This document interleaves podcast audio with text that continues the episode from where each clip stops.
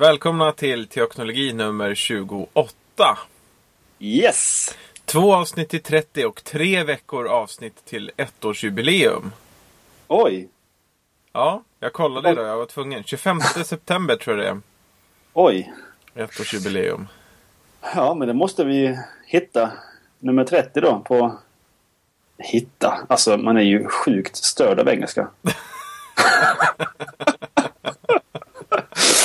då måste vi träffa nummer 30 på ettårsjubileet. Ja, det låter väl som en bra idé. Ja, eller ja, bra, bra. Men lite sådär. Fint. Ja. Hur har Ja, du haft det? Eh, Hemskt. Faktiskt. Okej. jag sa tidigare idag, eh, eller ja, nu ikväll, att jag håller på att fuktsanera. Ja, ty- vad, vad var det om?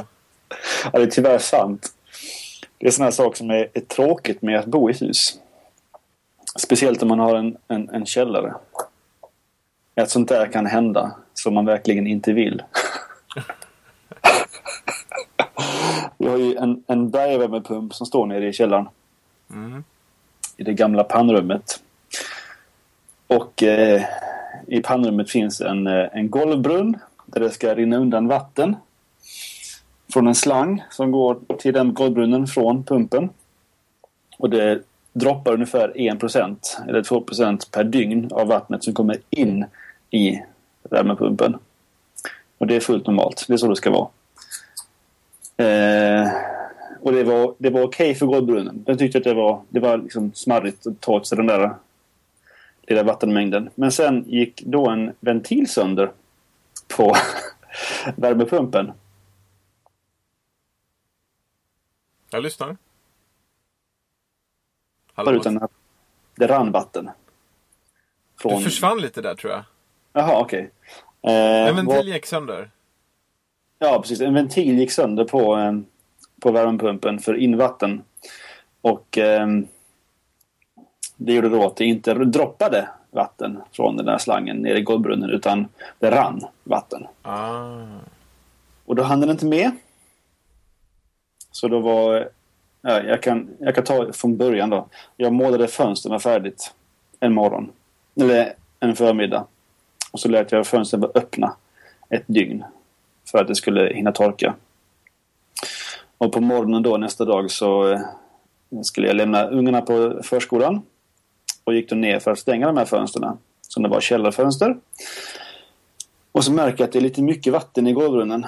Och så tänker jag att eh, ja, men det där fixar jag när jag kommer hem. Eh, och som tur är då så när jag väl kommer till jobbet efter att ha lämnat ungarna på förskolan så tänker jag ja, men kanske är smart att gå hem och kolla upp det där. Och när jag kommer hem så är det vatten på hela golvet Oh. i pannrummet. Och det var inte jätteroligt. Så då fick jag slå på djungeltrumman och få hit typ hela arbetslaget. som tömde ved från pannrummet. Som då oturligt nog stod över golvbrunnen. Som var tvungen att rensas.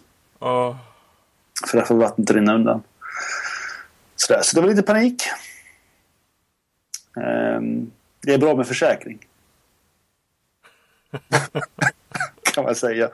Och det, det sjuka är att jag liksom aldrig använt mig av min, mina försäkringar någonsin. Alltså, jag är 33 år gammal och an, aldrig använt mig av en försäkring. Fram tills då gitarren gick sönder. Och sen dess har jag använt den då, både då och nu.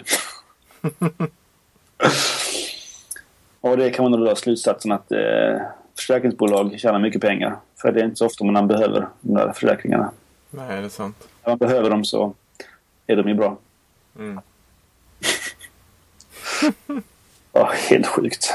Oj, oj. Och det blir ingen stor kostnad. För att vi lyckades få under. Vi, vi lyckades då eh, rensa golvbrunnen och stänga. Vi stängde in vattnet. Så vi hade inget vatten i typ ett halvt dygn. Okej. Ehm, och rensa undan vattnet. Sen har jag, jag köpt en, ehm, en eh, luftavfuktare för 5000 kronor. Oh. Det, det värsta är att man, alltså, vi hade ju funderat på att köpa en luftavfuktare i, i, sen vi flyttade hit. Jag har kollat på Blocket och har kollat på ja, de som verkar liksom billiga men helt okej. Men man får ju fullkomlig panik när sådana här saker händer. Så man, alltså jag körde ju och köpte den värsta som fanns typ. Ja, det är klart. Nästan. Sådär, så nu, eh, ja, nu har vi en bra lufteffektör. Till tvättstugan. ja. Men annars är det ju bra. För Annars är det bra. Mm. Annars det, hur är det själv? Jo, jag har haft eh, ledarutbildning idag. Ja. Så eh, det, det måste jag säga. Alltså, det är ju ett privilegium att få eh, liksom bli tvingad att använda de där UGL-kurskunskaperna så att säga. Hur menar du? Tvingad? Jo men alltså, det är ju ett intresse jag har. Men Ja. i och med att det blir en del av mitt arbete så blir det ju för mig självklart att den här permen man får på UGL-kursen med alla flikar med allting i liksom. Det blir Ja. naturligt att gå tillbaka till den, att läsa i den, att liksom fylla på eh, med jämna mellanrum. Liksom. Ja. Eh, jag tror att väldigt många som går den typen av kurs gör det en gång och så tycker det är bra. Jag ska försöka komma ihåg det här och sen öppnar man aldrig pärmen igen. Ja. För det finns så mycket annat som man behöver tänka på också. Mm. Och det gör det ju såklart. Men det gör inte den här typen av kunskap mindre viktig. Och det, det, det tycker jag är lite lyxigt. Att liksom faktiskt, ja men nu ska jag undervisa gruppdynamik. Så jag kanske ska fräscha upp lite grann. Liksom. Mm. Sådär. Och det gjorde jag faktiskt också genom att lyssna på eh, vårt avsnitt om, om det här till och med. Det är rätt kul för att jag gjorde exakt samma sak när jag skulle ha eh, utbildning i somras. Sommarveckan. Det var jag, jag förberedde genom att, ja, inte bara men framförallt genom att lyssna på det avsnittet. För det var ett sjukt bra avsnitt. Mm. Riktigt bra. Det är bra. Det, man- det, det fångar liksom den här äh, det centralaste. Ja. Vad har hänt annars? Du har, alltså, har hösten börjat för er?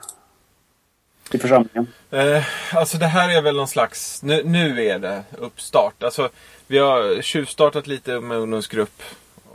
Så verksamhetsmässigt så har väl börjat med det, men det är bara det. Nu, Mm. är det, nu var det ledarutbildningen idag då. Eh, återträff för konfirmanderna i torsdags. Så det blir liksom återträffen sen ledarutbildningen och sen så blir det konfirmandrekrytering den här veckan. Mm. Och sen får vi se på söndag har vi informationsträff. Och sen om en och en halv vecka så drar konfirmandverksamheten igång med full fart.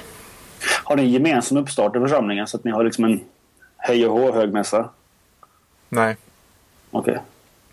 vi har en eh, informationsträff dit man kan komma för eh, ja, få höra om konfirmation och de alternativ vi har, träffa oss och fika lite. och Sådär. Men det ingen, alltså, ingen gemensam, det är hela arbetslaget är samlat en söndag liksom. Och hela församlingen. Nej, inte på det sättet. Ah, okej. Det har vi inte. Vi, vi startar i det tysta. Kan man väl säga. Nej men alltså vi, vi som jobbar med konfirmander, vi är ju där liksom. ja, ja, ja. ja. Jo, visst. Och välkomnar och, och pratar och, och, och allting sånt där då. Eh, och sen så, så kör vi igång under veckan då med veckogrupperna. Ja. Liksom. Så Ja. vi har ingen sån här eh, gudstjänst kick-off med, med, med konfirmanderna. Det har vi inte. Eh, jo, mer än att de, varje konfirmandträff i veckogrupperna avslutas ju med, med mässa. Så att i den blir de ju välkomnade. Ja. Så. så det är väl därför vi inte har sett... Det har inte varit så naturligt att göra någon särskild gång. För att vi varje gång så firar vi mässa liksom. Mm. Men ni gör inte så, låter det som. Nej, precis. Vi har ju gemensam uppstart för all verksamhet i hela församlingen. Nu på söndag. Det är alltid första helgen i september som vi har det. Sådär, så det är vår brytpunkt mellan sommarschema och årsschema, eller vad man ska säga. Ja, du menar emellan. Ja, ja, just det. Ja, hela församlingen, alltså all verksamhet samlas eh, en söndag. All verksamhet. Alla människor i vår kyrkfamilj samlas eh, första söndagen i september. Vi har lite så, fast på distriktsbasis. Mm. Och i distriktet jag hör till i Salabacke, där blev det lite spritt den här gången. Därför att vi hade inte riktigt koll. Därför att eh, framförallt är det så här, det är lite sent att dra igång eh, ungdomsgrupp till exempel. Och en del av våra verksamheter är lite sent att dra igång 2 september liksom. Ja. Jag drar igång först nästa vecka. Med ungdomsgruppen. Okej. Ja. Vi följer terminerna hellre. Så att, eller alltså skolan då. Så att, Vi har ju så mycket på sommaren så det är liksom ingen, ingen större skillnad egentligen. Vad sa du? Vi har så mycket på sommaren så att det, det skiljer liksom inte så mycket. Ja. Sommar och höst. Det, vi har ju jättemycket verksamhet under sommaren. ja, vi har nog mindre tror jag än vad ni har. I alla fall i ungdomssammanhang så har vi mindre. Ja. Och så, vi har ganska kraftfullt uppehåll kan man väl säga fram till vi åker till TC. Och det är i augusti ni åker va? Ja, det är ju precis innan skolan börjar och sen börjar ungdomsgruppen direkt efter det. Ja. I princip då. Ehm, så funkar det hos oss. Men Ja. det gör att alltså den här äh, terminsuppstarten som vi också har. eh, I år blev det lite konstigt för vi byggde om nämligen i Salabackekyrkan nu. Så Jaha. vi kunde liksom inte ha uppstarten när det hade varit naturligt och då blev det lite spritt och lite ofokuserad start. Så att imorgon är man väldigt välkommen eh, söndag 2 september till Salabackekyrkan. Men är väldigt välkommen till Långtuna kyrka också. Ja. kan ju börja där klockan 11 och sen komma klockan 4 till Salabacke. Ja, precis. Eh, för uppstarterna. Nej men alltså så. Så att det, det blir liksom en del blir uppstartat då. Men en del är igång och konfirmanderna kommer inte igång så tidigt. Det kan vi inte starta så tidigt. Nej. Ni, ni har ju helt andra tänk än vi gör. Vi, det är jätteolika. Ja, vi jobbar ju också i- gemensamt i stan med de andra församlingarna och så här. Så Ja. det blir liksom en helt annan... Ja, det blir lite annorlunda helt enkelt. Jag måste bara, måste bara berätta att vår församlings Facebook-sida har nyss fått en, en like från en eh, officiell Livets Ord-pastor. Okej. Grattis. Joakim- Lundqvist som också råkar vara en församlingsbo. Ha! Okej. Men är han och Livets Jag håller på Ord-pastor? och- Han jobbar väl för Ja. ny generation? Precis, precis. Och Livets Ord. Jaha, både och. Han är någon slags pastor. Jag ska se eh, vad han kan vara. Han skrev precis varsågod på Twitter. Ehm, han är ledare för eh, Ny Generation och pastor på Livets Ord. Han är säkert sån här regionspastor. De har ju det, eller områdespastor. Det vet jag inte vad det är, men okej. Det, alltså det laggar väldigt mycket. Är det... Are you on wifi? Eh, nej. Det är inte jag heller, men jag har wifi igång. Och ethernet. Jag stänger av wifi och ser vad som händer. Ja, nej jag har bara kabelinternet här nu. Nu har jag stängt av wifi. Så får vi se vad som händer. Mm. Men så är det Ja, i alla fall. Ska vi titta på lite länkar? ja. Det kan vi göra. Eh, jag, ska bara jag ska bara öppna Pocket. Använder du Pocket nu? Jag har gått över till Pocket faktiskt. Jag har ditchat Instapaper. Är Pocket bra? Ja. Eller jag vet inte än. Ehm, jag håller på att testa det lite. Jag har faktiskt till och med deletat mitt... eh, eller deletat. Jag har tagit bort mitt Instapaper-konto faktiskt och slutat betala. Sådär. ehm, och det är inte för att jag inte vill betala utan det är för att jag vill se om Pocket är bättre. Ehm, Okej. så hoppas jag att man kan börja betala för Pocket snart. Sådär, men det... Ja, jag tror att det är bättre. Um, Mm. sådär. Det har ju precis lika mycket appstöd som Instapaper. Um, verkar det som i alla fall. Och sen så, så skiljer det ju mellan text, video och bild i interfacet. Gränssnittet. Eh, och det har varit så för mig att jag har använt mig av eh, två olika tjänster för att bokmärka saker som jag ska titta på. Och det har varit då Instapaper och Handoff. Som jag tror vi har pratat om. Visst har vi gjort det? Handoff app. Det kanske vi har, jag har glömt det. Ehm, och det här får bli någon slags ehm, kombination av de två. Så jag har tagit bort två konton och um, använder mig nu av ett då, Pocket. Mm. Ja, jag tror att det är bättre. Vi får se. Vi får väl komma tillbaka till det. Men jag tror det. Jag tror att det är bättre. Det är åtminstone mycket snyggare. Mm. Ja, jag stannar kvar på Instapaper för tillfället. Så. Mm. Och det är det som är det jobbiga. Så jag, jag tycker ju om Marco väldigt mycket. Jag vill ju stöd, stötta honom. Eh, och det han gör. Så det kanske... och samtidigt, jag vet att han... Om jag skulle fortsätta betala för Instapaper men inte använda det och berättade för honom skulle han bli hur arg som helst. Eller besviken. sådär. Men... Eh, ja. Vi får se. Mm. Jag, jag tror att Pocket är, är egentligen bättre för mig. Um, men jag har liksom inte gjort någon lista på länkar än. Så du får nog börja med länkar. Men jag har inga länkar. Har du inga länkar? Nej. Okej, okay, då ska vi se. Neil Armstrong har dött. Ja, just det. Ska jag ta och lägga upp en Fast länk? han var väl aldrig på månen? Det har de väl bevisat? Vad sa, Nej, jag vad sa du? Jag skojar. Jag sa, han var väl aldrig på månen? Det har de väl bevisat att det var en konspiration?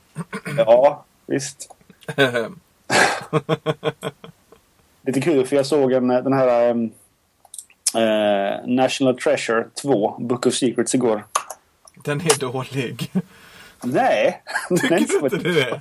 Nicolas Cage är en dålig skådespelare. Han, han, han kan vara den mest eh, överskattade skådespelaren som finns. Men det är ingen dålig film. Den är rätt häftig. Okej. Okay. Och framförallt i, i vårt hembiosystem blir den väldigt bra. För de har arbetat mycket medvetet med ljudet. Um, det är därför du gillar den. ja, det kan vara det. det är en länk till um, den sista intervjun med Neil Armstrong. Okay. Tyvärr är det en, en, um, en video. Så, uh, det är lite svårt för dig att titta på den. Men uh, den är he helt klart sevärd. Ja. Det är helt sjukt egentligen. alltså, alla som har varit på månen de är över 80 år gamla eller döda. ja. ja det, det, är intressant. Men det var ju verkligen ett race liksom. Ja, och det, alltså, vi har inte varit på månen sedan dess. Nej. Vi har varit på månen en gång. Och det är... När var det? 60... 9. 69 var vi på månen. Fast jo, har det inte varit någon mer månexpedition? Nej, det tror jag inte. Är du säker på det? Nej, jag söker det. Moon Expeditions. Ja. Um, moon Landing på Wikipedia. Hmm. Nej, sex stycken. Mm, jag säger ju det. 69 till 72. Ja. Ha. Det var flera. Har jag inte en aning om. Men de har ju inte hänt så att det... Nej, precis. Nej, nej, det är klart. Det har de ju inte nu. Nej. Men de påstår att det har varit några stycken. Ja. Jo, det, det är den officiella. Sex stycken? Alltså vad har de gjort? De har ju plockat grejer, mätt lite. Kollat lite. Hopp, hoppat lite. Ja. Nej. Eh, six US landings. Men har någon annan varit där? Det, nej, det är bara USA, verkar det som. Det, däremot är det väl så att eh, det har väl varit snack om Kina va? Snack om att de ska, ska åka dit eller? Ja, att de är på gång. Det låter ju skitpatetiskt. Jag får åka, jag får åka till Mars eller någonting. Nu USA har varit där sex gånger, vad ska de åka till månen för? Det är väl för att visa hur badass de är liksom. Ja. Antar jag. Ja, ja. Det är viss... Um... Nu vet jag inte vad EVA time betyder, men om man tittar här på tabellerna så verkar det som att Apollo 11 som var först där då, det var ju då Neil Armstrong och Buzz Aldrin. Eh, så var, de var i duration on lunar surface bara 21 minuter. Va? Ja. Huh. Eller så är det, nej det är 21 timmar. Ja. 21 och en halv timme måste det vara. Medan så blir det bara längre och längre. Så att den sista eh, dagen var nere tre dagar och nästan tre timmar då. Mm. Eh, och det ökade också med antalet eh, Jaha, EVA är Extra Vehicular Activity. Alltså, Alltså väl att utanför, de eh, utanför. Ja. Precis. Mm. Ja, det är intressant. Ja. Och nu har twi- Twitters, um, på tal om månen, Twitters, ehm, eh, han som är Mr Dick i en bokstavlig bemärkelse. Han har ju varit uh, uppe i rymden, såg jag. Sån här, eh, ja, sån här rymdturism. Okej. Dick C på Twitter. Mm. Jag kollade lite på hans. Han har ju fått en del kritik senaste två veckorna. Eller två månaderna, jag vet inte. Ehm, så jag kollade hans uh, at-stream. Och ehm, ja. Han har varit i rymden. Mhm. Skulle vara kul. Och göra det. Mm. Ja, men vad häftigt det vore egentligen. Att få upp i rymden. Tänk sen om... Eh, oj! På tal om ingenting. William Petzell är död. Vem är det? Han är väl för SD, va? Jaha, Ja. en politiker? Ja. Okej. Nu alltså, precis. Ja, jag såg det på Twitter, eller på SvD precis. Jaha. Ja, för en timme sedan så... Det var ju också... 24 år gammal. Han har tydligen dömts för ringa narkotikabrott tidigare i maj. Huh. Ja, ja. Ja, men han lämnade partiet efter att hans missbruk har blivit känt. Han valde dock att sitta kvar i riksdagen som en politisk väld, våld, äh, vilde. I maj i år dömdes han till 30 dagsböter för ringa narkotikabrott. Mm. Huh. Tragiskt. 24 år gammal. Knark. Ja. Så där, vad skulle jag söka efter? Vi snackar om månlandningen och vi snackar om... Mm, mm. Ja, du hade någon pocketlänk.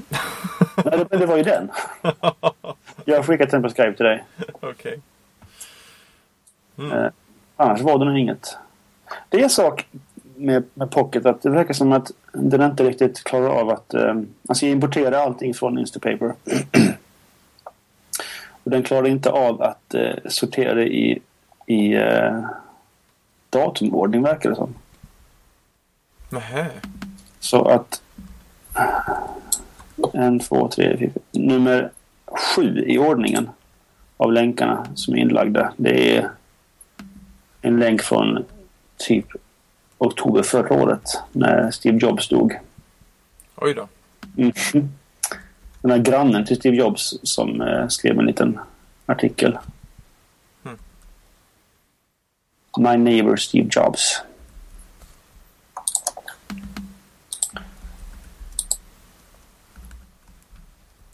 Hade du någon mer länk? Nej, jag har inga länkar. Eller jag vet inte. Det finns säkert jättemånga. Jo, det gör det massor på internet. jag har inte varit så uppkopplad senaste tiden. Jag har haft mycket på jobbet. så jag har medvetet liksom begränsat mitt internetbruk. ja. Eller missbruk. Jag vet inte. Jo, men det är lite samma här. Jag har fokuserat på andra saker. Så. Då har det blivit så. För den här Mm. gången. Eller för, för just nu. Mm. Så. Mm. Det är rätt skönt faktiskt. Man får tid till annat. Ja, i, i omgångar sådär så är det, det är skönt att ha olika fokus. Liksom. Ja, det är en sak som jag hade... mm, Alltså som nästan vore skönt med att skita i Twitter. Alltså eh, stänga ner det. Öppna på app.net. Just det att få en eh, mer... eh, Alltså färre länkar. För, alltså, jag tror att 80% av det jag läser faktiskt på internet det kommer från Twitter, inte från eh, Google Reader. Skulle jag, tror jag. Alltså det... För mig är det nog 50-50. Okej. Det är mycket Twitter, men jag, lä- jag har fortfarande... Nu rensade jag faktiskt min bloggström Mm. i... Eh, ja, härom, härom veckan. Så, så att nu, nu, eh, nu har jag ambitionen att läsa allt Ja. från de jag följer. För de jag följer är, är utvalda. så. Eh, för jag vill liksom... Jag vill läsa allt jag har i min reader. Jag vill inte slarra. Jag vill liksom inte inte läsa. Var det rätt? Ja. Hur många har du? Eh, jag kan kolla på Reader för jag... 25, 28, 58, 61 feeds kör jag i, i Reader. 61. Mm. Eh, nu ska vi se här. Subscriptions. 32 har jag. Oj. Jag hade ett par hundra tidigare. Så att jag har, Ja, jag har precis gjort en sån rensning också. det är väldigt trevligt faktiskt att minska. Överhuvudtaget de här rensningarna. Um, jag har gjort precis samma sak på, på både min telefon och på eh, min Macbook. Alltså tagit bort program och organiserat lite sådär inför hösten. Och även i Dropbox. Trevligt. Ja, det är väldigt skönt. Det har ju lite med, eh, med veckans tema att göra också. Du hade en, en artikel som du skickade till mig. Mm. Som jag inte hunnit läsa än. Nej, du har inte det? Nej, alltså jag har tittat på den. Det har Ja. jag. Men eh, Inte liksom läsa sådär. nej, jag, har inte, alltså, jag har inte hunnit.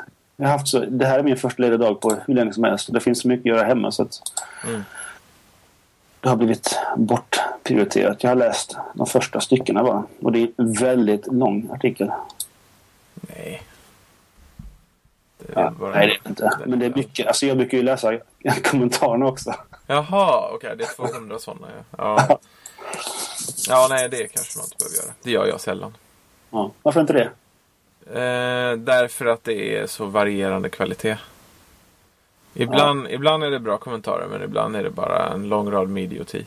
Ja. Men på, alltså, det här är en länk från Harvard Business Review. Och det är ett ställe som man förväntar sig att få lite intelligenta kommentarer. Till exempel inte på SvD. Eh, till skillnad. Ehm, Ja, kanske det. Jag vet inte. Jag är inte så fördomsfull att jag tror det ena är bättre än det andra. men det är verkligen det. Alltså. nu när, när eh, Apple vann över Samsung i den här Ja. rättegången. Alltså, svenskar är ju idioter alltså. Helt ärligt. alltså. Åh, jag blir knäpp när jag läser kommentarerna på, på SvD. Från eh, Samsung, eh, eller snarare Apple-hatare. Jaha, okej. De var liksom, det, det, det är inte det att de inte tycker om Apple. Jag menar, det kan jag acceptera. Jag menar, att inte tycka om ett företag. Sure, det, det är liksom en bra grej. Det är en känsla. Men alltså argumenten som folk har mot Apple. Och kommentarerna. Det är liksom ingen argumentation överhuvudtaget. De liksom slänger ur sig saker utan någon slags stöd. Mm. Och det är bara... Man blir ju knäpp. Och det jobbiga är att man, man vill ju verkligen kommentera. Och rätta folk. Men det går inte. Man kan inte. Nej. Alltså det jag, det jag kan störa mig på i diskussionerna det är ju liksom när folk Alltså när man, när man tolkar allting felaktigt. Så att säga. Alltså när man inte tar När man inte ser det i sitt sammanhang. Liksom. Ehm, sen är det klart man kan spekulera vad Apple ska göra med den här vinsten nu. Att de ska gå efter alla andra också. Eller sådär. Men, men, men, men alltså Hallå. Ta en Galaxy S2. Ja. Vilken telefon ser den ut som? Den ser ut som en iPhone fast med mycket större skärm. Liksom. Är, är det för, första eh, Galaxy som kom? Alltså var ett halvår efter första iPhonen? Ja. Det är liksom patetiskt. Det är kopior rakt av. Liksom. Och det, det är bara att konstatera det. Behöver, man behöver inte diskutera saken mer än så. Liksom. Se hur smartphones såg ut innan iPhone kom. iPhone kom. Några månader senare släpper Samsung sin telefon som ser precis ut som en iPhone. Liksom. Ja. Så, så att det är klart det är kopiering. Liksom. Och det är ju skillnad på, på hur andra har gjort då. Som, som har gjort eh, med integritet gjort egna designs och utseenden och Ja. så. Som Apple inte har stämt och antagligen inte kommer stämma heller. Jag tänker Nej. på Nokia till exempel. Har gjort både med N9 eh, och sen Lumian liksom. Jag menar, jag menar, det är bara ser inte ut som en iPhone liksom. Nej. Och kolla på, på eh, om du jämför Nokias och Samsungs aktier sen den här domen. Mm. Samsung har ju, de har ju förlorat typ 7, 7 miljarder dollar i värde Oj. sen, um, sen den här domen. Mm. Eller ännu mer. Jag vet inte vad, alltså, ja, det var mycket i alla fall. Minst 7 miljarder har de förlorat i värde. Dollar sen domen. Nokia har ju gått upp. Ehm, för, för att de är annorlunda. De, de vågar göra sin grej. Mm. Och, och argumenten mot, eh, mot att den här domen var som f- fair, det är ju liksom att, att innovation kommer sluta. Vi kommer inte se innovation i eh, bland mobiltelefoner på grund av den här domen. Men det är precis tvärtom. Det här gör att vi kan se innovation. Ja, det här tvingar ju copycat-företag som Samsung att försöka tänka lite. Ja, Det är ju Men- skillnad. Men det är klart, jag håller ju med om det. Skulle Apple gå efter alla nu så skulle jag inte heller bli glad liksom. nej. Och men det, jag tror inte att det är målet heller. Men, äh, jag tror att de valde Samsung. Dels då för att en del, en del deras telefoner är ju verkligen kopior nästan rakt av. Mm. Men jag tror det handlar om Google. I, i djupast sett. Alltså de vill åt Google. Kan vara så. Eh, vi får ju se vad som händer. Ja. Men om det nu hade det varit... Jag har hört argument att... ehm, ehm, det, alltså Apples design är så uppenbar att man kan inte göra på något annat sätt. Och då är frågan, varför gjorde ingen? Om det nu är så himla uppenbart att det är så här en, en, en smartphone ska se ut och fungera. Varför gjorde ingen det för Apple? Varför tog det fem år för Apple att komma fram till den här designen? Mm. Och hur- kom det sig att sex månader efter eh, första iPhonen kom så har Samsung en, en kopia i stort sett? Fullkomlig idioti. Jag är så himla trött. liksom.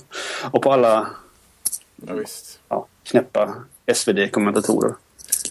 och, det, och, det, och det verkar ju vara någon slags Android-hegemoni i Sverige. Att man ska hata Apple. Alla använder Apples produkter, men alla ska hata dem. Ja, jag vet. Eller så är Apple-användare för smarta för att kommentera. Ja, det kan ju vara det också. jag, ha- jag hade en... eh, måste- ha varit... När jag var pappelyg uppenbarligen. Så gjorde jag ett försök. eh, Ett experiment. Jag vet inte om jag pratade om det på eh, teknologi. Men det var, måste ha varit i april eller maj någon gång. Jaha. Att eh, bemöta Android-användare på SVDs artiklar eh, som handlar om Apple. Och eh, så bryta sönder argumenten de hade. Eh, och, och utifrån liksom, den argumentationsteknik jag har lärt mig när jag läst filosofi. Alltså berätta för dem och andra som läser den kommen, eh, kommentartråden. Ja. Nu fick jag en retweet från Jay Backer, sa jag. jag har bara en, liksom en passus. Jag har slagit vad med min kyrka om att vi inte, eller att vi kommer att nå 100 likes på vår Facebook-sida innan klockan 11 morgon när vi har taxigudstjänsten. jag har eh, eh, eh, skrivit till massa amerikanska pastorer om hjälp. Och till biskopar på Nya Zeeland, den amerikanska kyrkan och Australien och, Storbritannien. Men var, vadå liksom? Men det är bara kul. Han är så negativ. Han tror inte vi kommer kunna... Han tycker vi har för få likes. Jag har Ja. redan liked ser jag här. Så. Ja, det har du.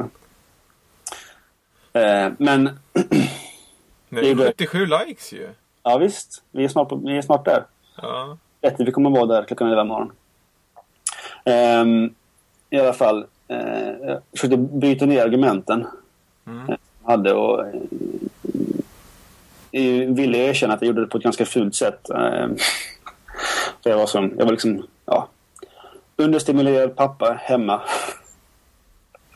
Och eh, ja, sådär. Så eh,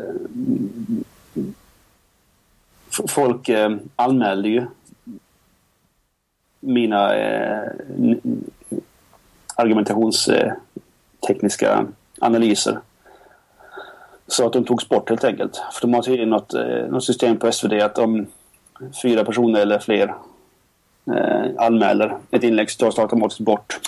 Nej. det, är så himla, det är så himla B. Jag skrev, jag skrev ett, ett, ett mail till han som är ansvarig för kommentarerna på SvD och han... Eh, ja, kul att du har kommentarer om vårt kommentarsystem men fuck you ungefär. Så, ja. Därför skriver jag inte på SvD längre.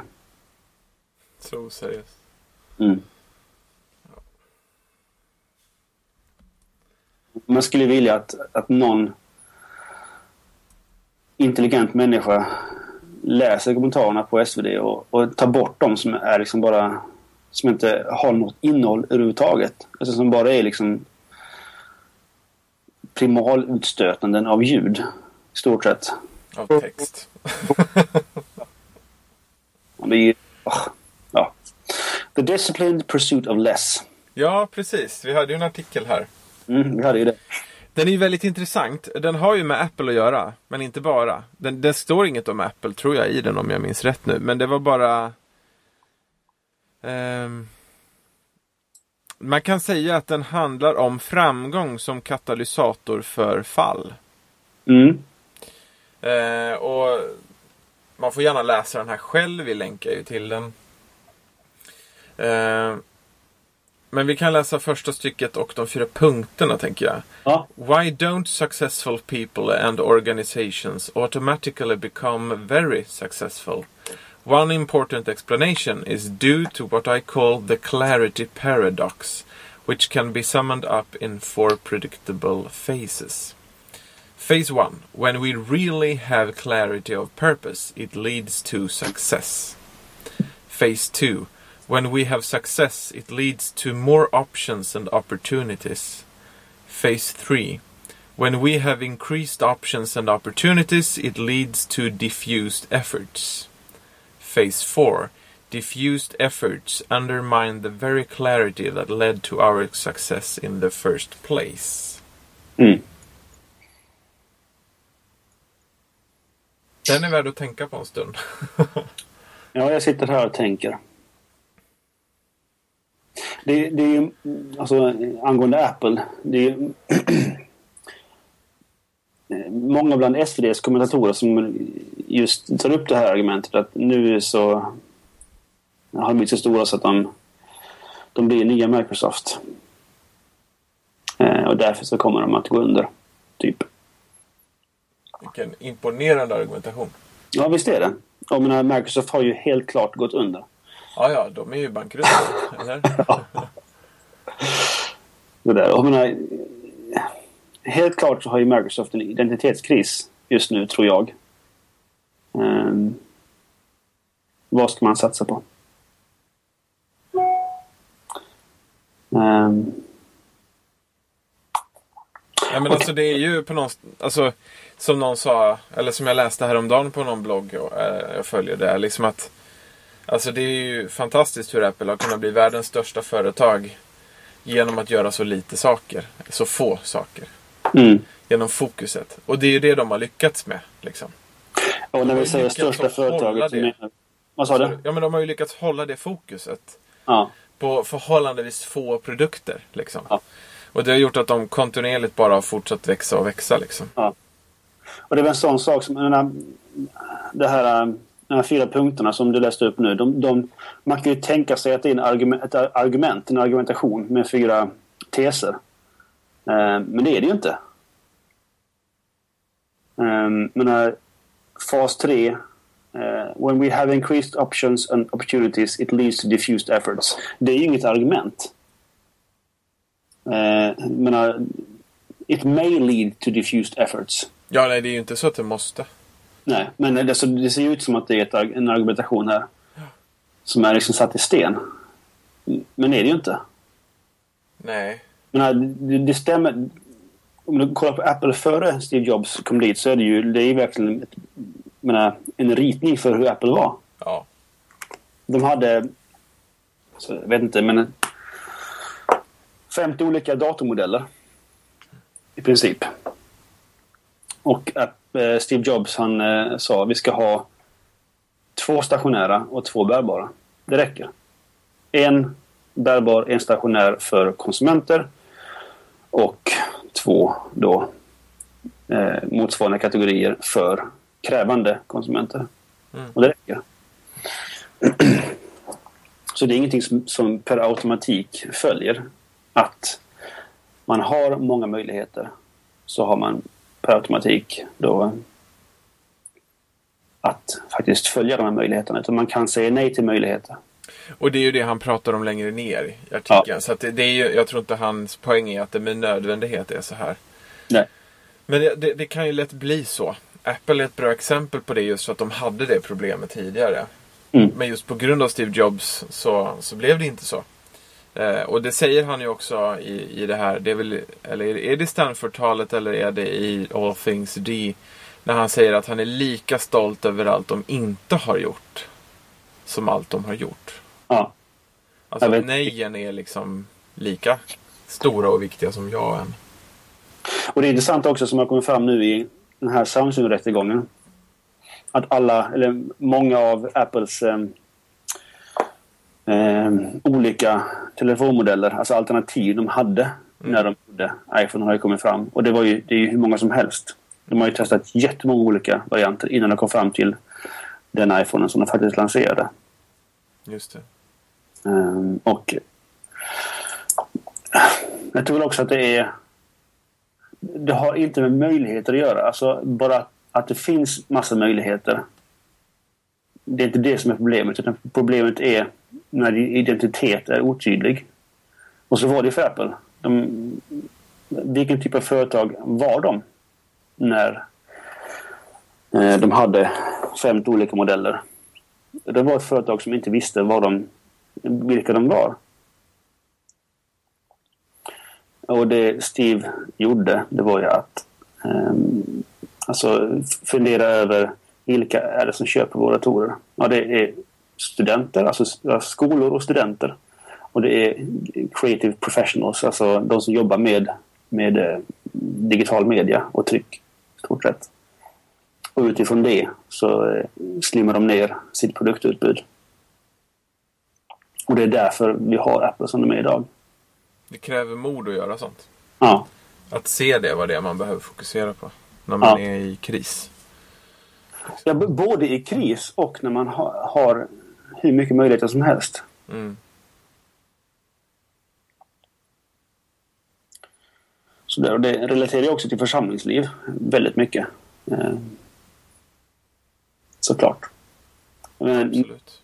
men, eh, ni är ju ett, en helt annan församling än vad vi, vi är. Men vi har nog väldigt mycket större prästtäthet än vad ni har. Oh ja. per alltså församlings, både församlingsbo och församlingsmedlem. Mm. Och det öppnar upp oerhörda möjligheter eh, för oss att jobba ihjäl oss som präster. Men vi har eh, i år så, så tar vi bort en gudstjänst faktiskt.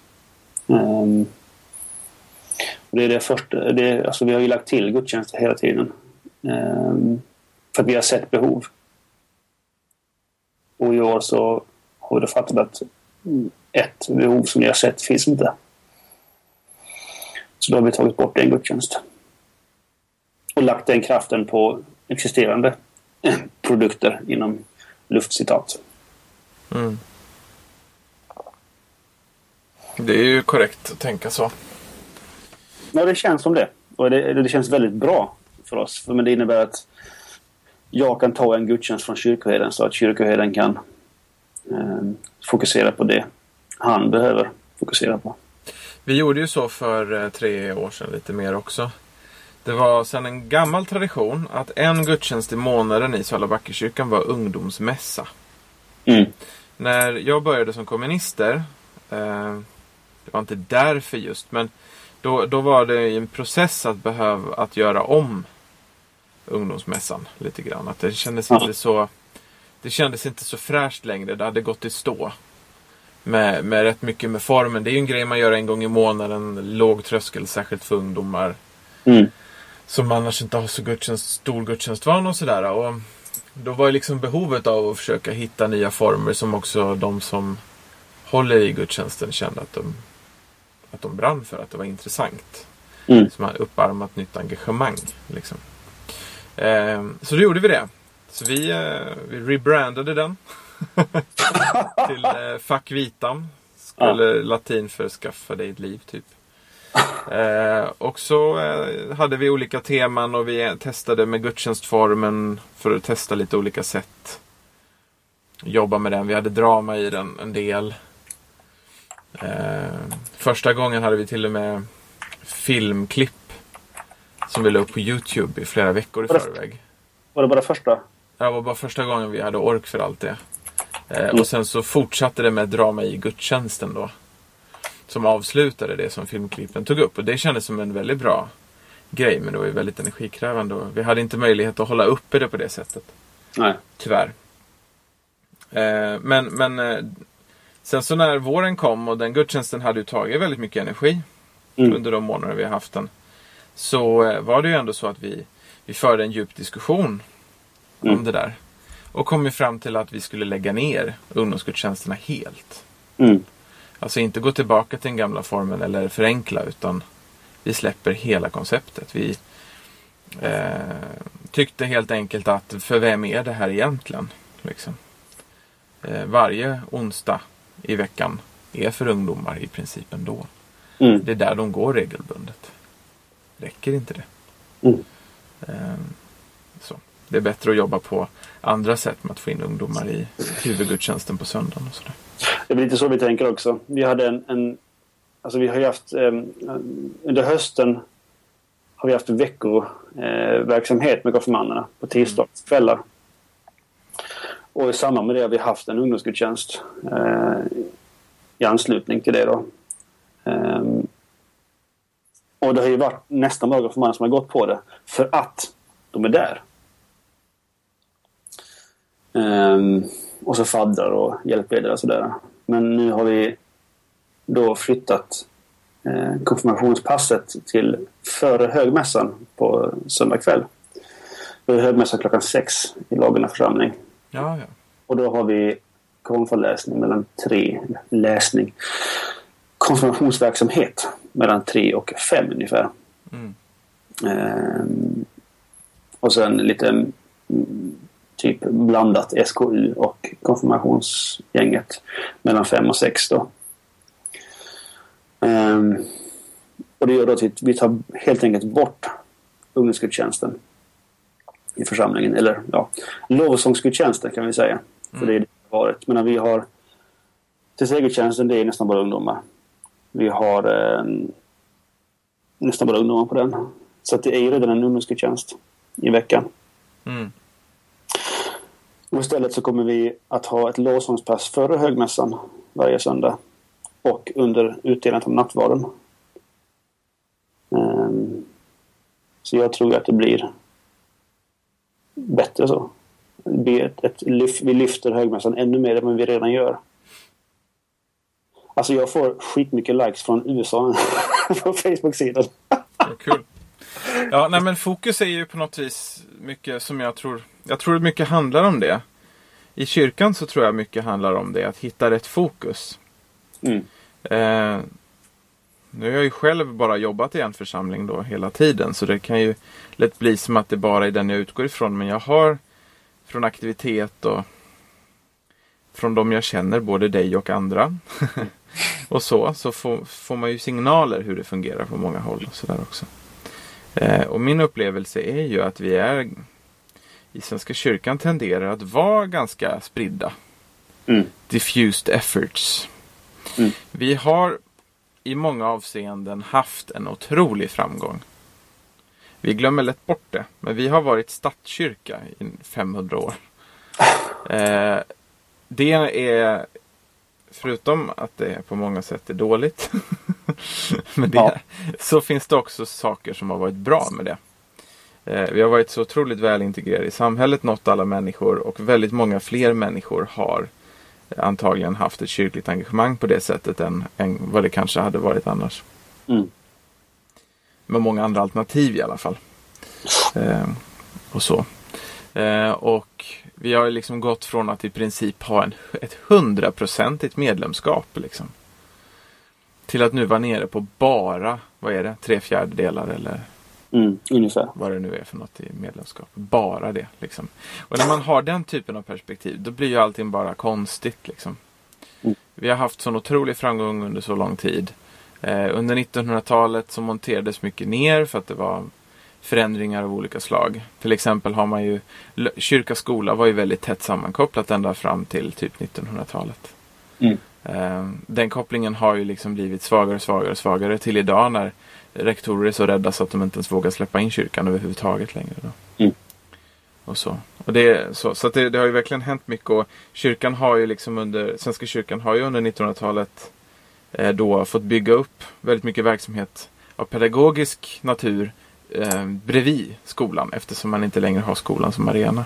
Mm. Det är ju så öppna förskolor, eh, miniorer, juniorer, eh, ungdomssammanhang. Allt det där har ju växt fram mycket i, just i, i den situationen. Att, att vi behöver pedagogiska sammanhang inom kyrkan för, för den uppväxande generationen. Liksom. Och, sådär. och då har vi anställt jättemycket pedagoger och förskollärare och eh, folk Mm. på olika sätt. Eh, och skapat olika verksamheter av alla möjliga spridda slag. Inte bara relation till de som växer upp. Utan också de som redan är uppväxta. Mm. och sådär. Och blivit mycket av en, av en tjänstekyrka. Och vi har, har ofta haft ganska populära grupper. Och gjort populär verksamhet. Mm. Och sådär. Och det där är ju, har vi nog inte förstått. Eh, och förstår fortfarande inte riktigt kanske tror jag att, att det finns ett problem i det. Att vi är producenter eh, för människor. Och då Mm. kommer de sen till kyrkan och säger att ni i kyrkan gör så bra verksamhet. För oss andra. Och till och med vi själva pratar om oss själva som församlingen många gånger utan att ens reflektera över det. Mm. Alltså som om personalen var församlingen. Liksom. Eh, Men vi är så många så att vi är typ som en gudstjänstfirande församling i oss själva. Liksom. Och det är ju tragik i det alltså.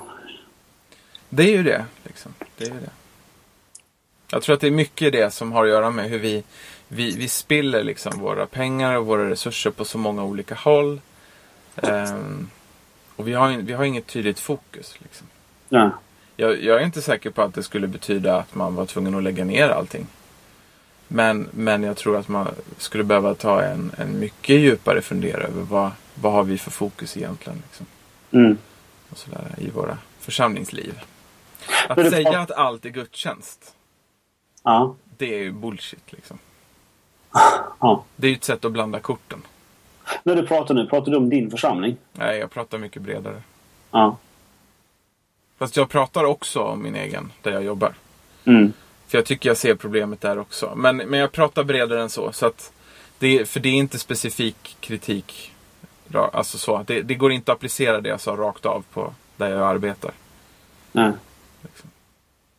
Utan jag tycker jag ser det på fler håll. Och jag tycker jag har sett det på fler håll när jag har varit aktiv på andra ställen. Eh, och så. Mm. Men du känner inte igen det kanske? Nej, jag gör inte det.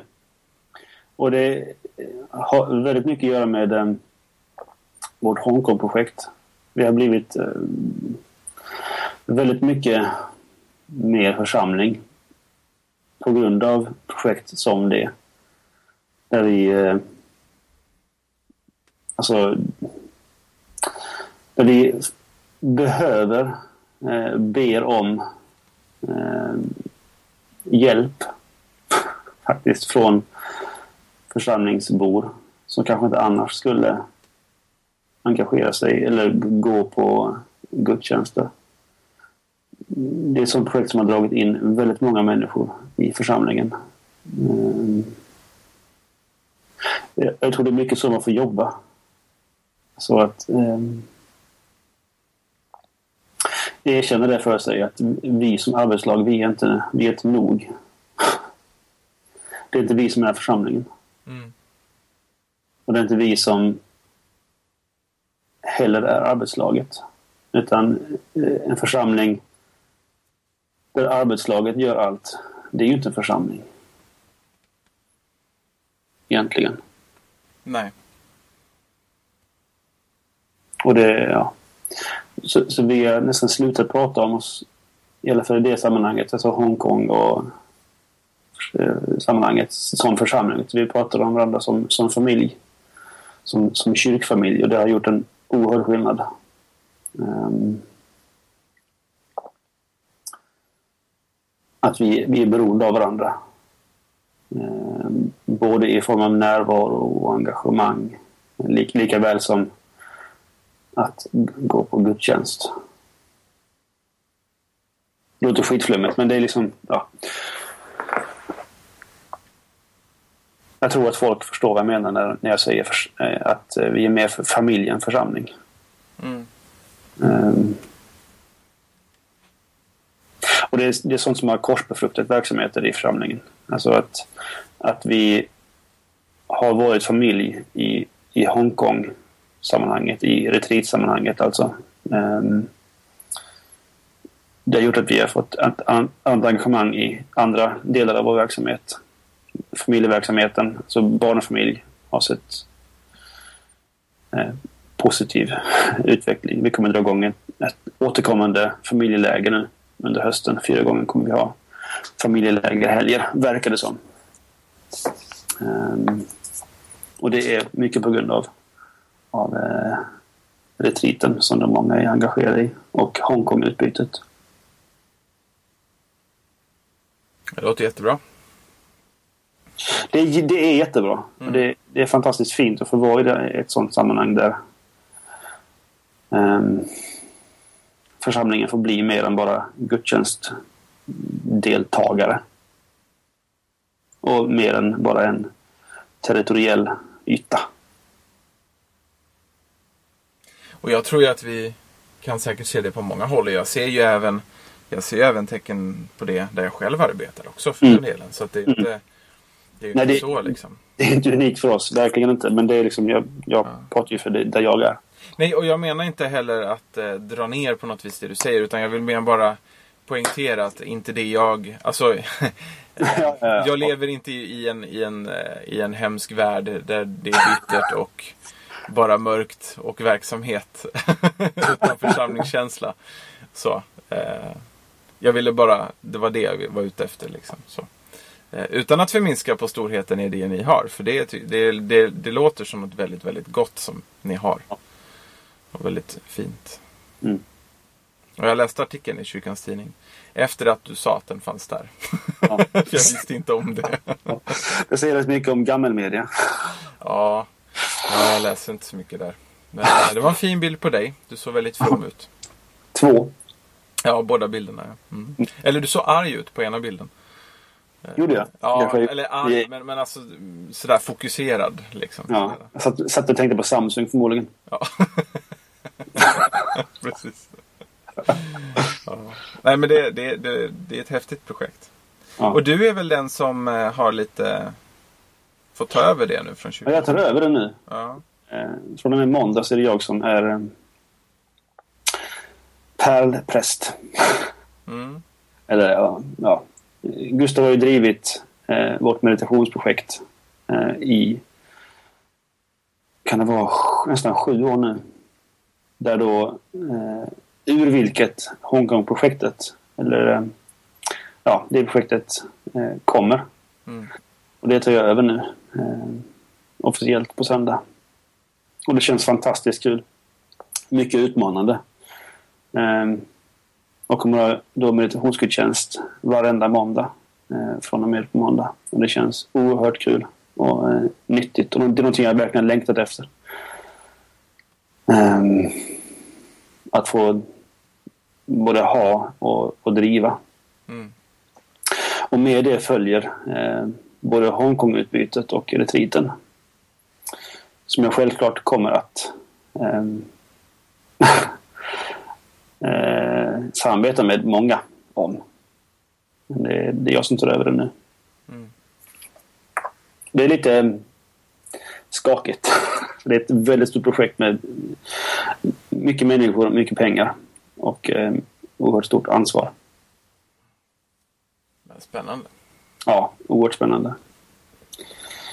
Mm. Ja.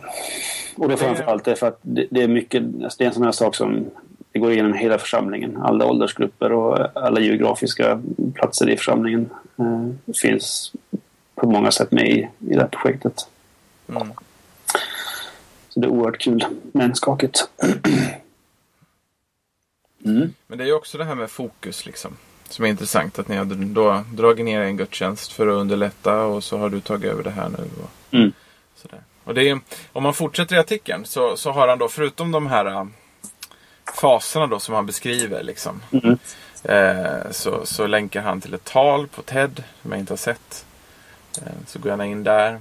Och så finns då tre förslag eh, som man kan använda för att just undvika liksom, att hamna i det här problem, problemet. Då. Alltså att med mer möjligheter så leder det till att man sprider sig själv för tunt. Liksom. Man, man tappar klarheten i syftet vad man håller på med. Och så. Eh, han har då tre förslag. Och det första förslaget är att ha ett, ett ehm, alltså mycket, mycket hårdare kriterium. För vad, vad du ska satsa på. Och så använder han då ehm, den fina bilden av våra garderober. att vad händer om man har det ganska breda kriteriet. eh, Finns det en chans att jag någon gång i framtiden kommer vilja använda det här plagget? Mm. Då är risken att eh, garderoben blir väldigt full med saker som vi nästan aldrig använder. Men om vi däremot frågar oss eh, Älskar jag verkligen att ha det här plagget? Då blir det mycket, mycket lättare att ta bort allt onödigt och få utrymme för bättre saker. Och det menar han är poängen när det gäller våra karriärer. Men jag tänker att det kan också vara lite olika saker. Mm. Alltså att gå på djupet lite. Vad är det jag verkligen är intresserad av? Vad är det som verkligen driver mig? Vad är min passion? Liksom. Mm. Och sen är då nästa fråga. Det är vad är, vad är det som är eh, essentiellt? Vad är det som är viktigast? Liksom. Och ta bort allt annat. Mm. Ta bort det som inte är nödvändigt. Och då, finns det två saker man kan göra för att som de föreslår som man kan göra. Det första är Conducting a life audit. Eh, alltså ha en, någon slags livsgenomgång. Liksom. För alla mänskliga system dras mot rörighet. Mm.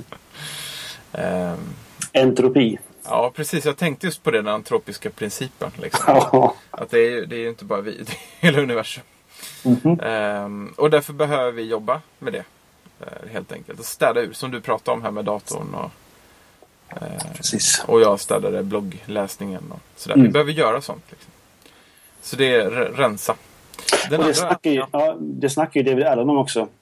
Eh, I sin senaste bok. Den här... ehm, Making it all work. Precis. Där pratar han om hur han och hans fru eh, efter nyår varje år gör en sån här eh, life audit. Jag tror nästan de använder det ordet. Ja, Eh, både utvärderar eh, förra årets mål och sätter nya för det kommande. ja. Det är bra. Det är lite så, det har vi snackat om ju. Eh, Mm. angående nyår. Det gör ju du också, typ. Ja, lite så. Ja. Ja. Absolut. Det, det är sånt jag inte tänker på under resten av året. Men när nyår kommer, då gör jag det. det är väl lite det min kritik är då av just det där fenomenet. Med nyårslöften. Ja, fast samtidigt. Ja, nyårslöften ger jag ju inte riktigt på det sättet. Nej, men det fenomenet nyår, att det ska vara en så himla stor skillnad. Det är ju inget magiskt. Men det är bara en ursäkt egentligen, tänker jag. För att få Ja, precis. göra något. Ja, det, det andra som är förslaget där, det är att man eh, innan man lägger till en ny aktivitet i sitt liv så tar man bort en gammal. Eh, alltså den enkla regeln att du lägger inte till en aktivitet som är mindre värdefull än sånt du redan gör. Mm, Den, den tyckte jag var smart. mycket. Den ska jag tänka mer på. Så, så att det är liksom, det var det är två tips. Sen så kommer den tredje grejen. Och det är, och det vet jag inte vad det heter på svenska, för jag är inte ekonomiskt insatt.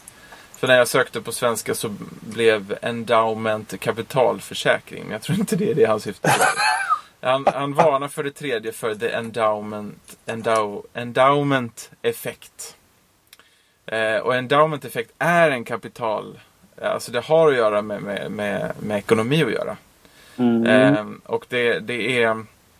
Alltså ko- kort, eh, kort sagt så kan man säga att det, det är helt enkelt oviljan vi har att göra eh, oss av med någonting som vi själva äger fast det kanske inte är så värt för oss.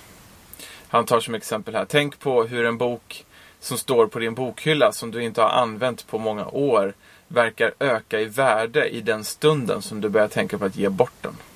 Mm. Alltså den här gamla boken. Men sen ska du ge bort den. Alltså då, då börjar man tänka om. Vad är den egentligen värd? Vad är den? Alltså så här liksom. Alltså att saker blir mer värdefulla när vi lägger mer uppmärksamhet på dem. Liksom. Mm. Jag vet inte om det var det som var principen, att det hade med uppmärksamhet att göra. Men själva principen är att man är mindre villig att, att göra av med saker som, som man upplever att ägar ägandeskap till. Mm. Ehm, och han är då ute efter att man ska göra tvärtom. Alltså istället för att ställa sig frågan hur mycket värderar jag det här? Så ska man istället fråga sig om jag inte hade det här, hur mycket skulle jag vara villig att offra för att få det? Mm. Så istället för att ställa sig frågan hur mycket är den här boken egentligen värd? Ställa sig frågan hur mycket är jag villig att offra, betala för att få den om jag inte hade den? Mm. För att på så vis bättre mäta vad som egentligen är värt att satsa på. Ofta är det ju ingenting. Om man ska vara helt ärlig. Nej, när det gäller böcker. Nej, men böcker och CD-skivor. Ja, nej visst. visst. Eh, I alla fall till idag. Alltså, jag menar, ja, gå fem år tillbaka. När man fortfarande var, eller sex år, när man fortfarande var teologstudent. Då var ju böcker nästan mer värdefulla än Jesus. Lite hals på allvar givetvis, men... Mm. Mm. Nej, men visst. Ja, men det är intressant va? för det, det, det har ju verkligen att göra med principen av less is more. Mm. Men den här typen av begränsningar är ju svåra. Ja. ja, just. Läser du eh, Zen Habits? Nej, Den här Leo, vet Leo Babauta. just det. Se om jag kan hitta den. Jag kan skriva bra grejer. Ska vi lägga in den i shownoterna. Han driver ju flera bloggar. Ehm.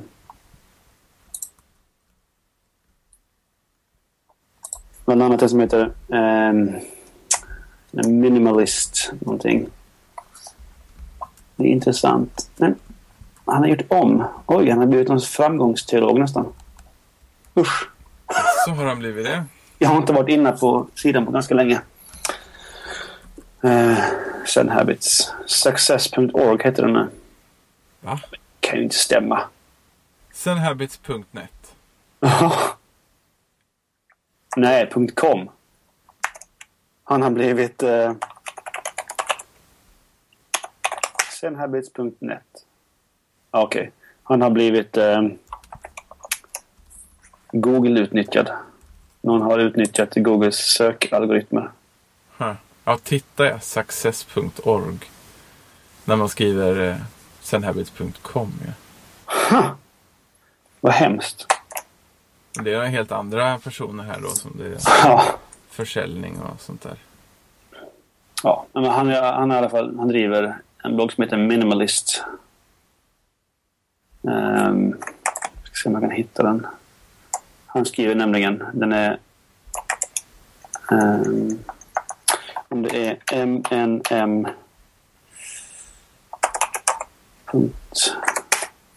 Någonting. MNMlist.com. MNM-list. Ja. Och då skriver han mycket om eh, det här med att, att nöja sig med det man har. Ehm. Det har vi pratat om tidigare. Förnöjsamhet. Ja. Mina föräldrar de eh, köpte på en auktion en, en, eh, en kökshylla. Där det stod eh, förnöjsamhet är glädje eller förnöjsamhet är någonting sånt där. Förnöjsamhet är glädje kan vi tro att det stod kanske. Något Mm. sånt. Just det här med ehm, att inte vilja ha. Och det är en sån här rolig detalj i, i ehm, översättningen av um, Herren är min herde-salmen. Um, vi översätter den Herren är min herde, ingenting ska fattas mig. Engelska översättningen är I shall not want. Mhm. Det är lite olika. Eh, Det är samma hebreiska såklart. Mhm. Men översätter dem helt olika. Och där är den, eh, den brittiska översättningen väldigt mycket mer sympatisk. Mm. Tycker jag. Den svenska är nästan lite framgångsteologisk. Ingenting ska fattas mig. Nej, jag ska inte vilja ha. Mm. Det är fint. Ja, det är det.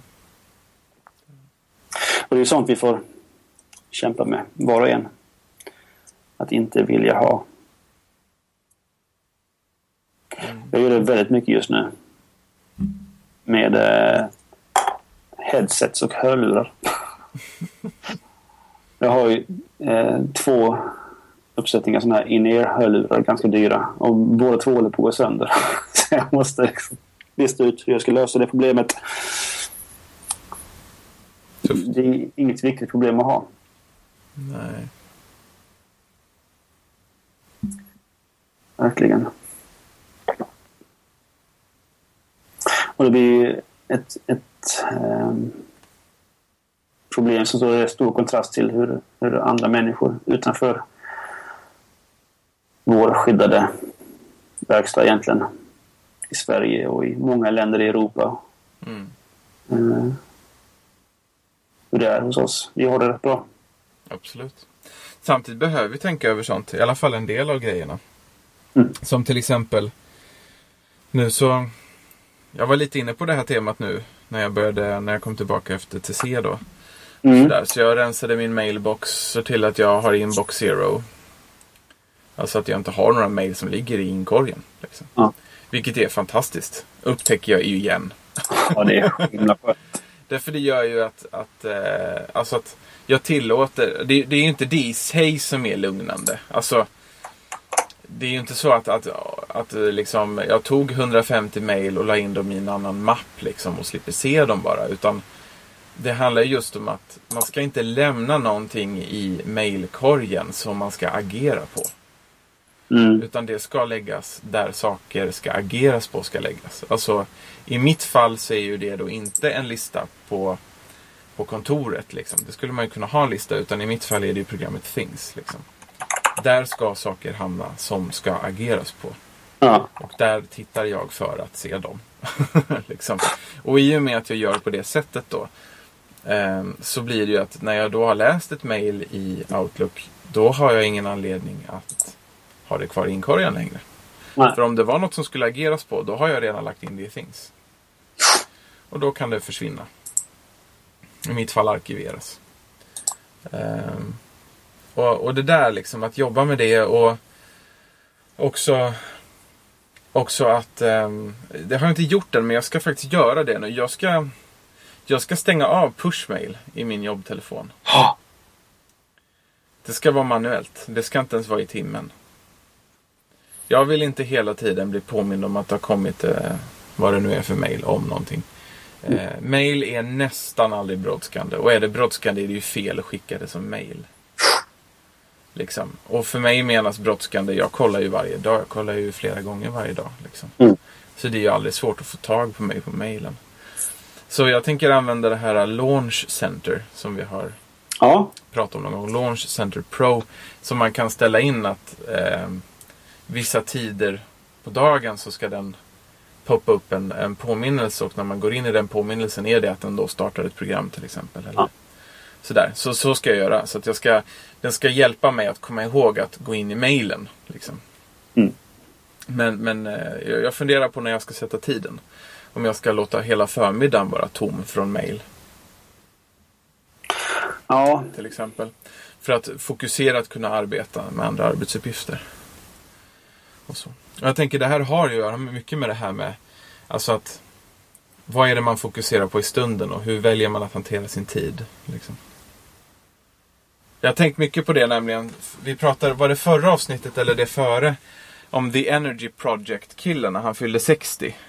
Ja, det var nog förrförra. Eh, då, då, där, där var en av hans lärdomar att han, han tycker att man ska jobba en och en halv timme på förmiddagen fokuserat med en sak.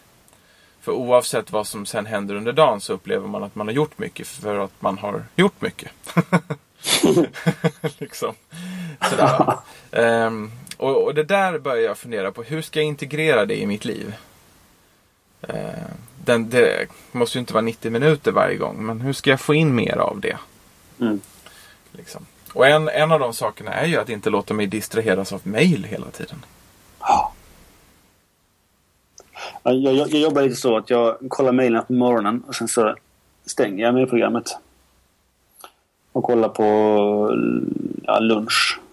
Ja. Och sen när jag går hem. I princip. Så tre gånger om dagen. Och sen konstant på kvällen. Konstant på kvällen. Har du push Nästan. på, på mobilen då? Vad sa du? Har du push på mobilen? Nej, det är avstängt sedan länge. Ja. Men av eh, batteriskäl. Jaha, okej. Mer. Nej, För mig är det nog...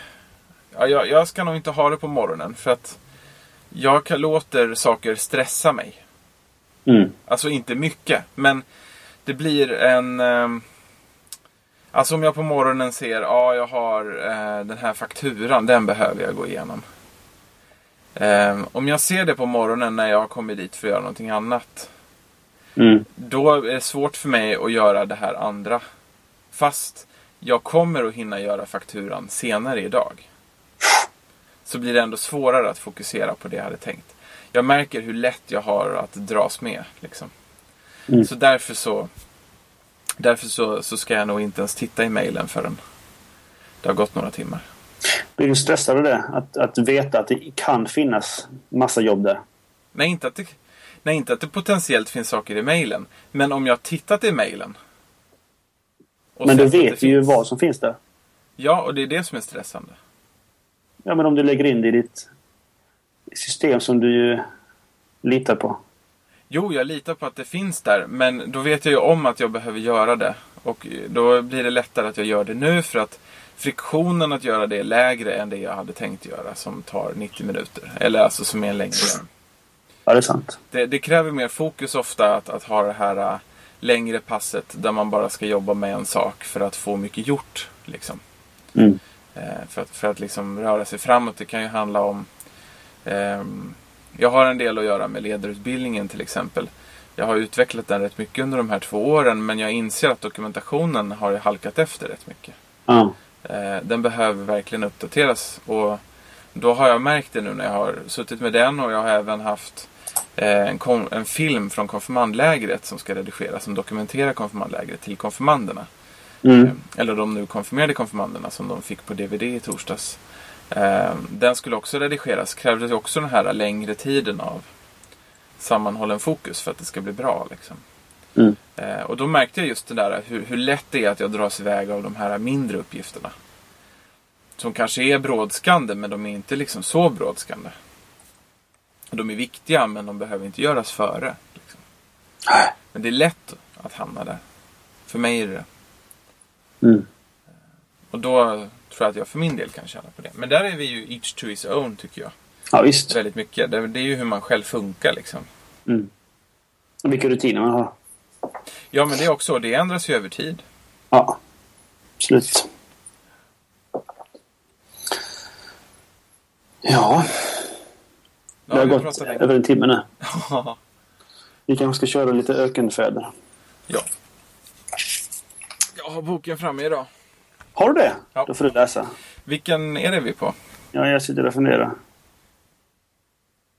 Eh, Det är sida 28. Det var därför jag inte hittade. Antonios nummer 20. Ah.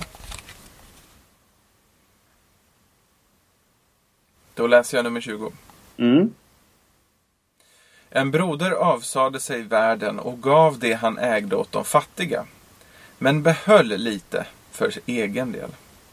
Han kom till Abba Antonius, och när Abban fick veta hur det var, sa han till honom. Om du vill bli munk, så gå bort till den där byn. Köp kött, täck din nakna kropp med det och kom så tillbaka hit. När brodern gjorde så blev han biten av hundar och hackad av fåglar. När han sedan mötte Abban frågade denne honom om han hade gjort som han hade sagt till honom. Han visade honom sin sargade kropp och den helige Antonius sade De som avsäger sig världen men vill behålla något för sig själva de blir lika sönderslitna av demonerna som för krig mot dem. Ja du. Det är tron, trons hårda skola det här.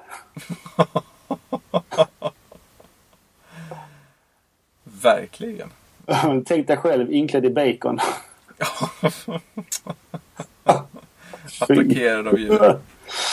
Ha en schäfer springandes efter. Nafsandes liksom. Ja. Ja. ja, kan man säga någonting om den här? Det en liten parallell till eh, eh, vad heter, Sef, eh, vad heter de? Eh, Paulus. Just det, det är Paulus. Nej. Jo, det är det. Nej, inte det. Apostlagärningarna. Um, Ja, Ananias och Sapfira. precis. Mm, Som behåller lite och dör. just det. Ja, men det är ju lite det här, vem är det man försöker lura liksom? Ja. Och det är väl det som är poängen här med att demonerna då eh, liksom sliter sönder dem därför att de, eller de, den, här, den här mannen har så uppenbarligen inte ens liksom gjort rätt i första steget. Nej. Ja, det är inställningen det handlar om. Ja men tänk dig själv. Tänk dig själv om du är en, alltså man är inte redo för att bli munk. Mm. Jag menar munk, då, alltså det handlar ju om att avsäga sig allt ju. Du är ju, jag menar som i ITC till exempel, bröderna så här, de har ju samma kläder, alltså de, de delar ju inte kläder med varandra och så. Men de äger ju inte kläderna. Nej. De äger ju inte dem. Ehm, jag fick höra i år att de ger varandra födelsedagspresenter. Det innebär att de får ha en CD-skiva eller något sånt där ett år. Sen får de lämna tillbaka den. Hm. Att det liksom blir som en, ett lån. Liksom, Ja. sådär. Och det, det är liksom... Det är ju ett väldigt, väldigt enkelt liv på det sättet. För att man äger inte saker själv. Man har inte saker på det sättet för sin egen skull. Och jag kan tycka det är attraktivt på många sätt. Men tänk dig att bli, att liksom... Nu vet jag inte varför man skulle vilja det. Men, men att man då liksom... Eh, av ärgirighet eller annat får för sig att eh, nu ska jag bli det för att folk ska se upp till mig. Eller något annat sånt där. Mm. Eh, och just det att man då inte avsäger sig allting utan man försöker smussla med. Liksom. Då kommer man ju verkligen bli angripen. Mm. Alltså, mina tvivel, eller liksom, jag skulle ju slita sönder mig själv. Mentalt om jag, om jag kom in så omogen och ofärdig Ja. i det sammanhanget. Liksom. Helt, alltså den här viljan att faktiskt äga själv. Att, Mm. Att behålla någonting själv. Att, så. Det skulle ju vara förödande i ett sammanhang där man inte gör det. Mm. Liksom. Lite så tänker jag. Om den Mm. här. Ja.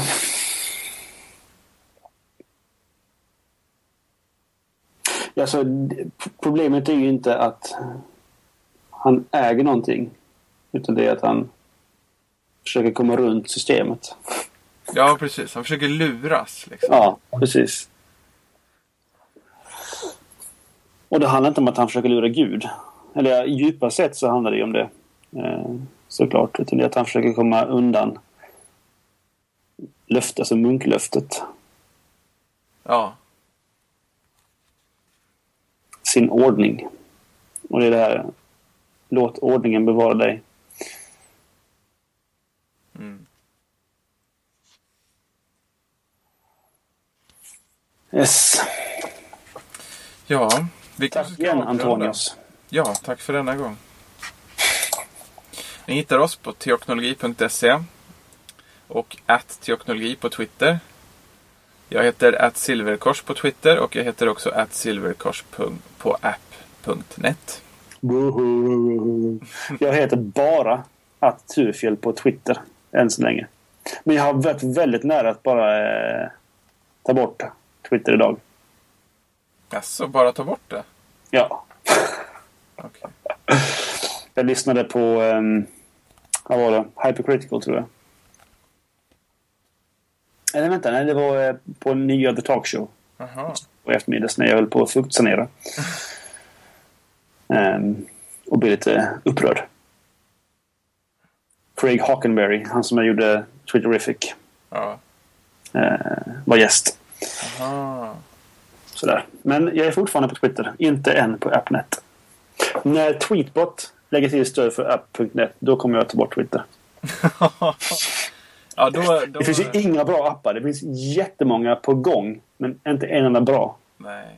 Nej, det är ju för det- nytt liksom. Tror det, det finns en app i App Store, tror jag, som har stöd för app.net. En. Finns det en? Ja, det gör det. Jaha, det fanns inte en när jag kollade sist nämligen. Så... Ja, jag kollade för typ fyra dagar sedan och då fanns det en. Jaha. Mm. Ja, då måste jag kolla på det. För det gör ju saker mycket enklare. Ja, det finns liksom ingen mening med, det- med app.net utan en riktig klient. Nej, det behöver man. För mig. Alltså, menar, jag skulle ju aldrig använda Twitter om det inte fanns någon klient för det. Nej. Aldrig. Ja, nej, så är det. Ja. Så Tack. gott. Så mycket för denna gång. Så gott. Hej hej. Hej då.